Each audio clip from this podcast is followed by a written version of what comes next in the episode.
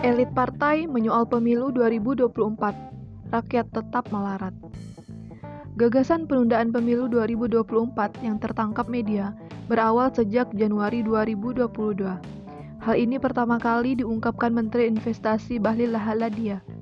Tetapi tidak semua partai politik mendukung wacana penundaan pemilu 2024. Berbagai alasan disampaikan beberapa partai politik untuk melawan gagasan itu.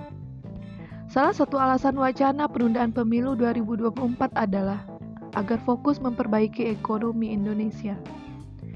Namun, apakah alasan ini bisa publik terima dengan mudah?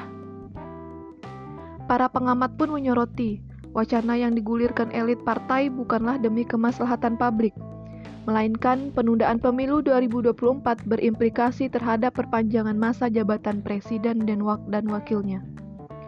Pemilu diharapkan tetap digelar sesuai kesepakatan pemerintah, DPR, dan penyelenggaraan pemilu.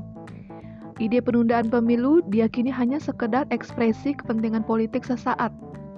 Publik meyakini pemilu tetap digelar dengan agenda pemungutan suara pada 14 Februari 2024. Dalam pemerintahan Islam, kekuasaan ditujukan untuk menegakkan Islam dan memberikan kemaslahatan kepada siapa saja yang bernaung di bawahnya.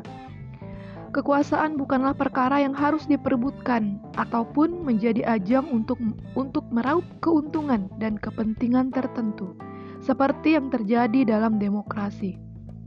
Tugas penguasa ialah menjamin segala urusan rakyatnya, bukan sibuk memperpanjang masa jabatan demi kepentingan pribadi atau kelompoknya. Ingatlah, Rasulullah Shallallahu Alaihi Wasallam mengancam penguasa yang tidak bersungguh-sungguh mengurusi rakyatnya. والله أعلم.